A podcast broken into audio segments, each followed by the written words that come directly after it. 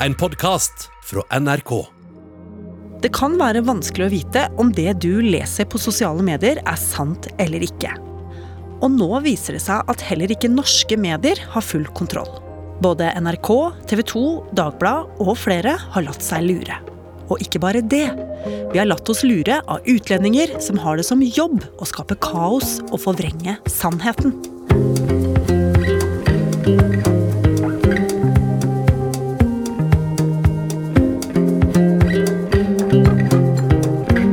Hører på Oppdatert. Jeg heter Ragna Nordenborg.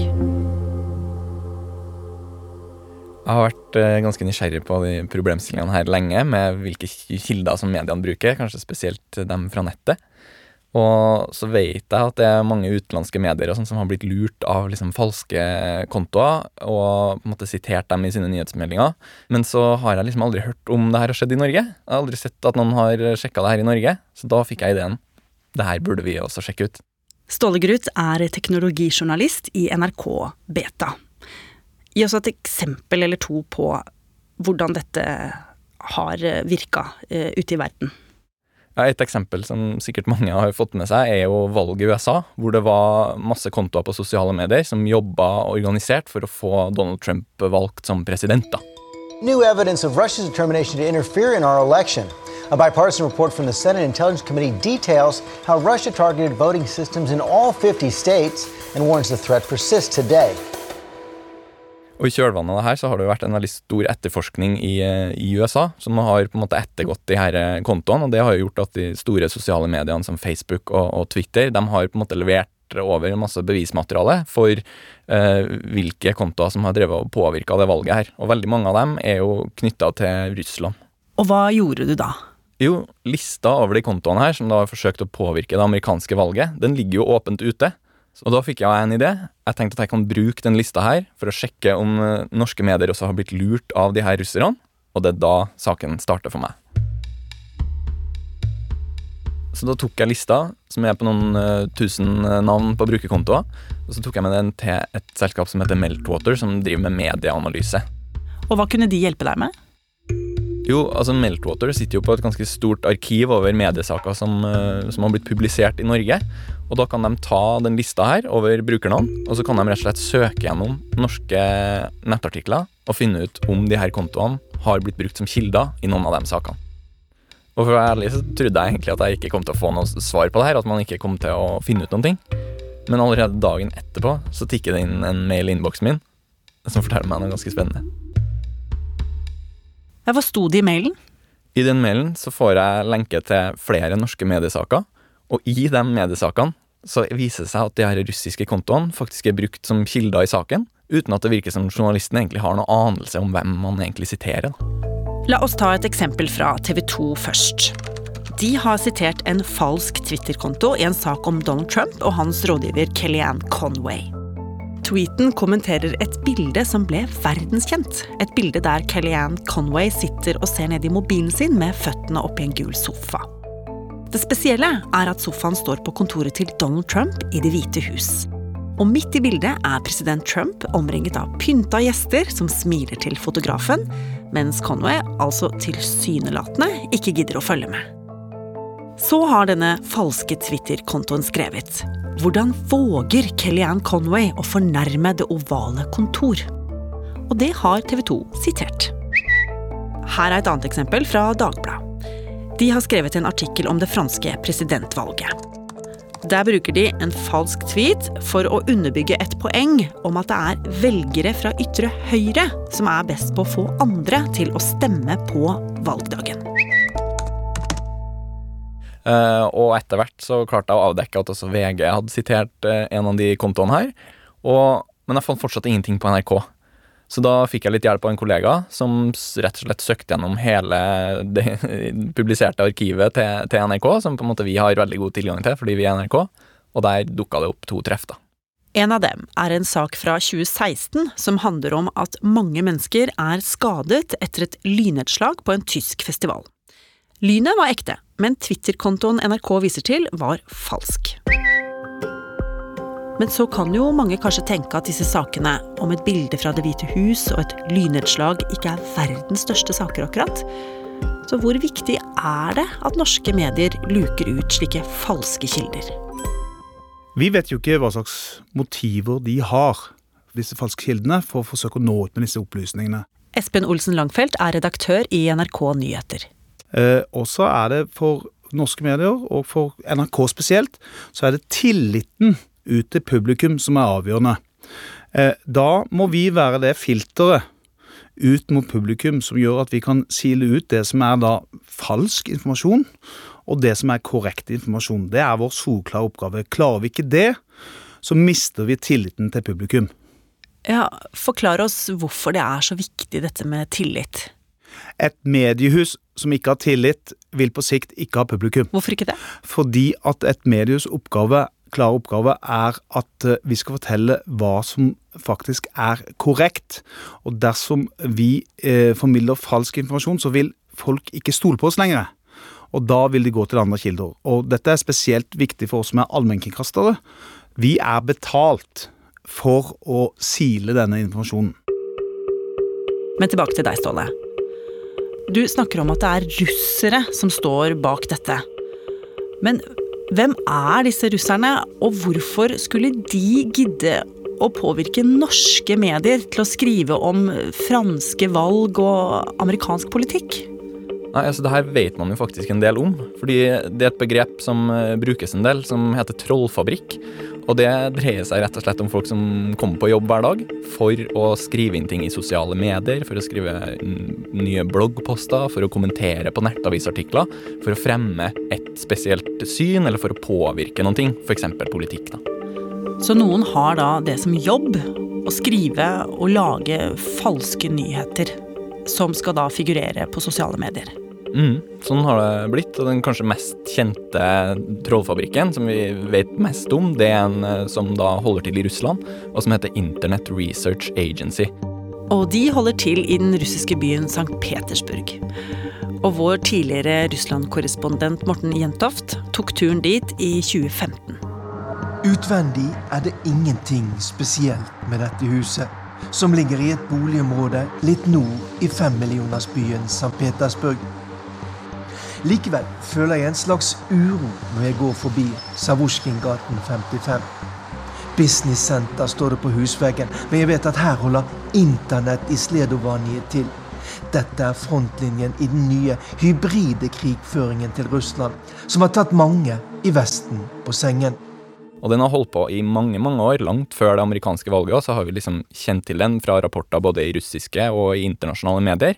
Og det er jo ikke sånn at de er så interessert i Norge, ikke sant. Men vi i Norge vi er jo ganske opptatt av USA. Så vi skriver om populærkultur, vi skriver om politikk og sånne ting. Og da bruker vi jo ofte de samme kildene som andre internasjonale medier også gjør. Og da havner vi rett og slett i skuddlinja. Vi var egentlig ikke meninga at vi skulle uh, bli påvirka av det her, men vi blir det likevel, fordi de samme kildene er tilgjengelige for oss gjennom internett. da.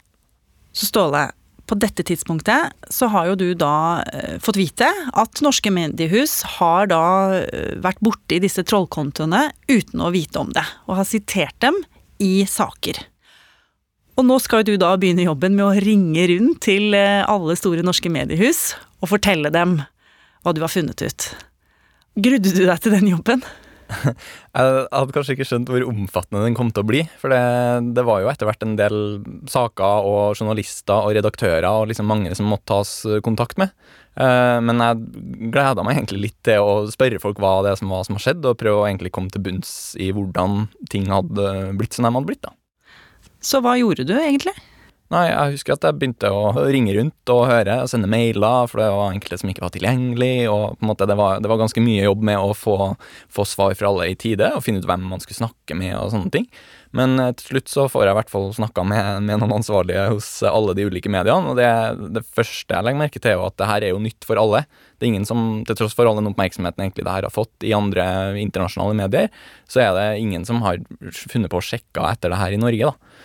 Eh, så da begynner jo folk å si at de, må, de, trenger litt tid, for de må gjennomgå det her, prøve å finne ut hva som har skjedd. Eh, og det får de jo. Eh, jeg gir dem over helga til å liksom nøste i de ulike tingene. og de fleste kommer tilbake til meg og sier at vi, vi fjerner jo selvfølgelig det her, og det var dumt at vi publiserte noe vi ikke ante hvem det var som sto bak.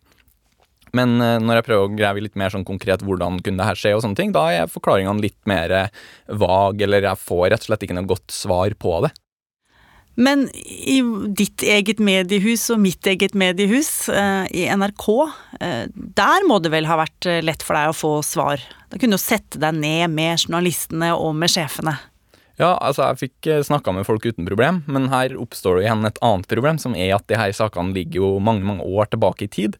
Uh, og da er det rett og slett vanskelig å huske. ikke sant? Når man jobber i, i, media og skriver mange saker, så husker man kanskje ikke de enkeltsakene like godt. Og dermed så har ikke jeg klart å komme til bunns i egentlig noen av de sakene her i norske medier om hvorfor konkret akkurat den og den tweeten ble brukt da, i de artiklene.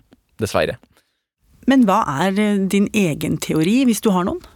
Altså Det som er lett å tenke, og det som jeg oftest hører fra, fra andre, også utenforstående i, fra mediebransjen, er jo det her med tidspresset, f.eks. i journalistikken. At man er nødt til å levere mange saker fort, gjerne noe som, som får klikk og høye lesertall og sånne ting. Og da er det jo lett å la seg friste av de mange kildene da ute på Twitter f.eks., eller sosiale medier. Og ser også at det går igjen i de sakene som jeg har funnet her. At det er på en måte reaksjoner på ting som har skjedd. Og da tar man en reaksjon som bare ligger veldig hendig på sosiale medier. Men så glemmer man kanskje det kritiske punktet da, for uh, særlig norsk presse. Og det er funnet ut hvem er det egentlig som står bak den meninga her. Hvem er det egentlig som mener den tingen her, som vi nå formidler til vårt publikum. da. Mm. For det har man jo i de tilfellene her ikke kjent til identiteten til, til avsender. da. Men mange av disse sakene du har funnet, de er jo gamle. Men har du også noen ferske eksempler? Ja, jeg har eh, alltid ferske eksempler på akkurat det her, faktisk. Og denne uka her så har vi sett mye oppmerksomhet om koronaviruset, f.eks. Eh, og det er bare å gå inn på vil tippe et hvilket som helst sosiale medier, søk på f.eks. Corona News, så dukker det opp masse både kontoer og artikler og sånne ting som skal fortelle deg det siste nytt om koronaviruset, om det er kanskje kjempefarlig, at det ikke er noe farlig og sånne ting. Men der er det nå ganske mye vekst i koronanyheter, og BBC de skriver at det her er rett og slett fordi at folk kan tjene penger på denne type informasjon. Da.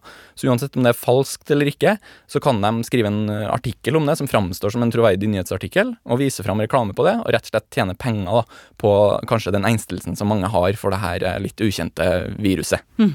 Som vi ikke vet så mye om. Og der eh, du kan tenke at hvis det oppstår et informasjonsvakuum noe sted, så er det plutselig masse krefter nå som ønsker å gå inn i det rommet og fylle det med hva som helst av informasjon, egentlig, og tjene kanskje penger på det.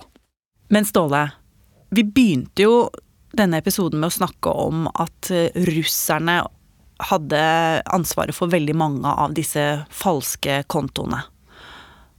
Men er det bare russerne som holder på sånn? Nei, det er absolutt ikke bare russerne som holder på på den måten her. Vi har sett mange eksempler på ulike land som jobber på den måten her, og på, sikkert på andre måter òg, som vi ikke har eh, noen god oversikt over. Vi så også en studie nylig fra universitetet i Oxford som har rett og slett funnet spor av digital påvirkning av sosiale medier eh, i over 70 land. Så det her er på en måte utbredt, og det er et felt i vekst. Og det er rett og slett sånn at det er veldig mange som har fått opp øynene for det her, og det kunne like gjerne vært altså, trøndere som meg, da, som ønska å, å, fremme noe eh, relatert til Trøndelag. Så hvis du skal komme med en slags moral til slutt her, hva er den? Det at uh, alle, egentlig, og spesielt da norske journalister, vi er nødt til å ha godt grep om kildekritikken og være sikre på hvem det er vi faktisk siterer i, i sakene våre. Uh, og den lyspunktet her er jo på en måte at det her var jo egentlig ikke så veldig mange saker heller, men det ramma bredt. Det var liksom et tilfelle hos uh, alle de store norske mediene. Så norske medier gjør jo en god jobb, ikke sant? I hvert fall ifølge min oversikt. Men her gjelder jo absolutt å ikke sove i timen, og kanskje mer tenke på internett som et minefelt, hvor ethvert feilgrep kan være med å skade troverdigheten vår. I denne episoden av Oppdatert har vi snakka om flere tilfeller av bruk av falske kontoer. Ståle Grut publiserte sin sak om dette temaet i forrige uke, og fikk tilsvar fra mediene som er omtalt i saken. Bl.a. fra TV 2 og Dagbladet, som vi snakker om i vår episode. TV 2 sier at de har høyt fokus på denne problematikken, og gjør det de kan for å verifisere kontoer på Twitter. Men dette er ikke nødvendigvis så enkelt, og her har det dessverre glippet, sier de. Journalisten som skrev Dagbladets artikkel om det franske valget, kjenner ikke igjen twittermeldingen, og syns det er rart at den var inkludert i saken.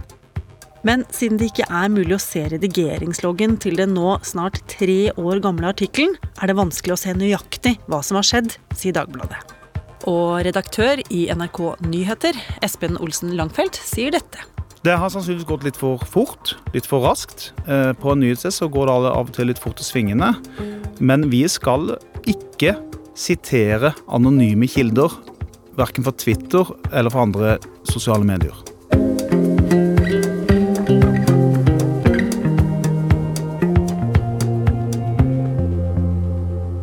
Oppdatert er en podkast fra NRK Nyheter. Og hvis du ikke vil gå glipp av neste episode, så kan du abonnere i appen NRK Radio, i podkastappen på iPhone, i Spotify eller på Acast. Bare for å nevne noen steder. Bare søk opp Oppdatert, så finner du oss. Denne episoden var laget av Katrine Nybø, Petter Sommer og meg, Ragna Nordenborg. Vil du kontakte oss, gjør det på oppdatert krøllalfa nrk.no. NRK Radioteatret. Vi må ut.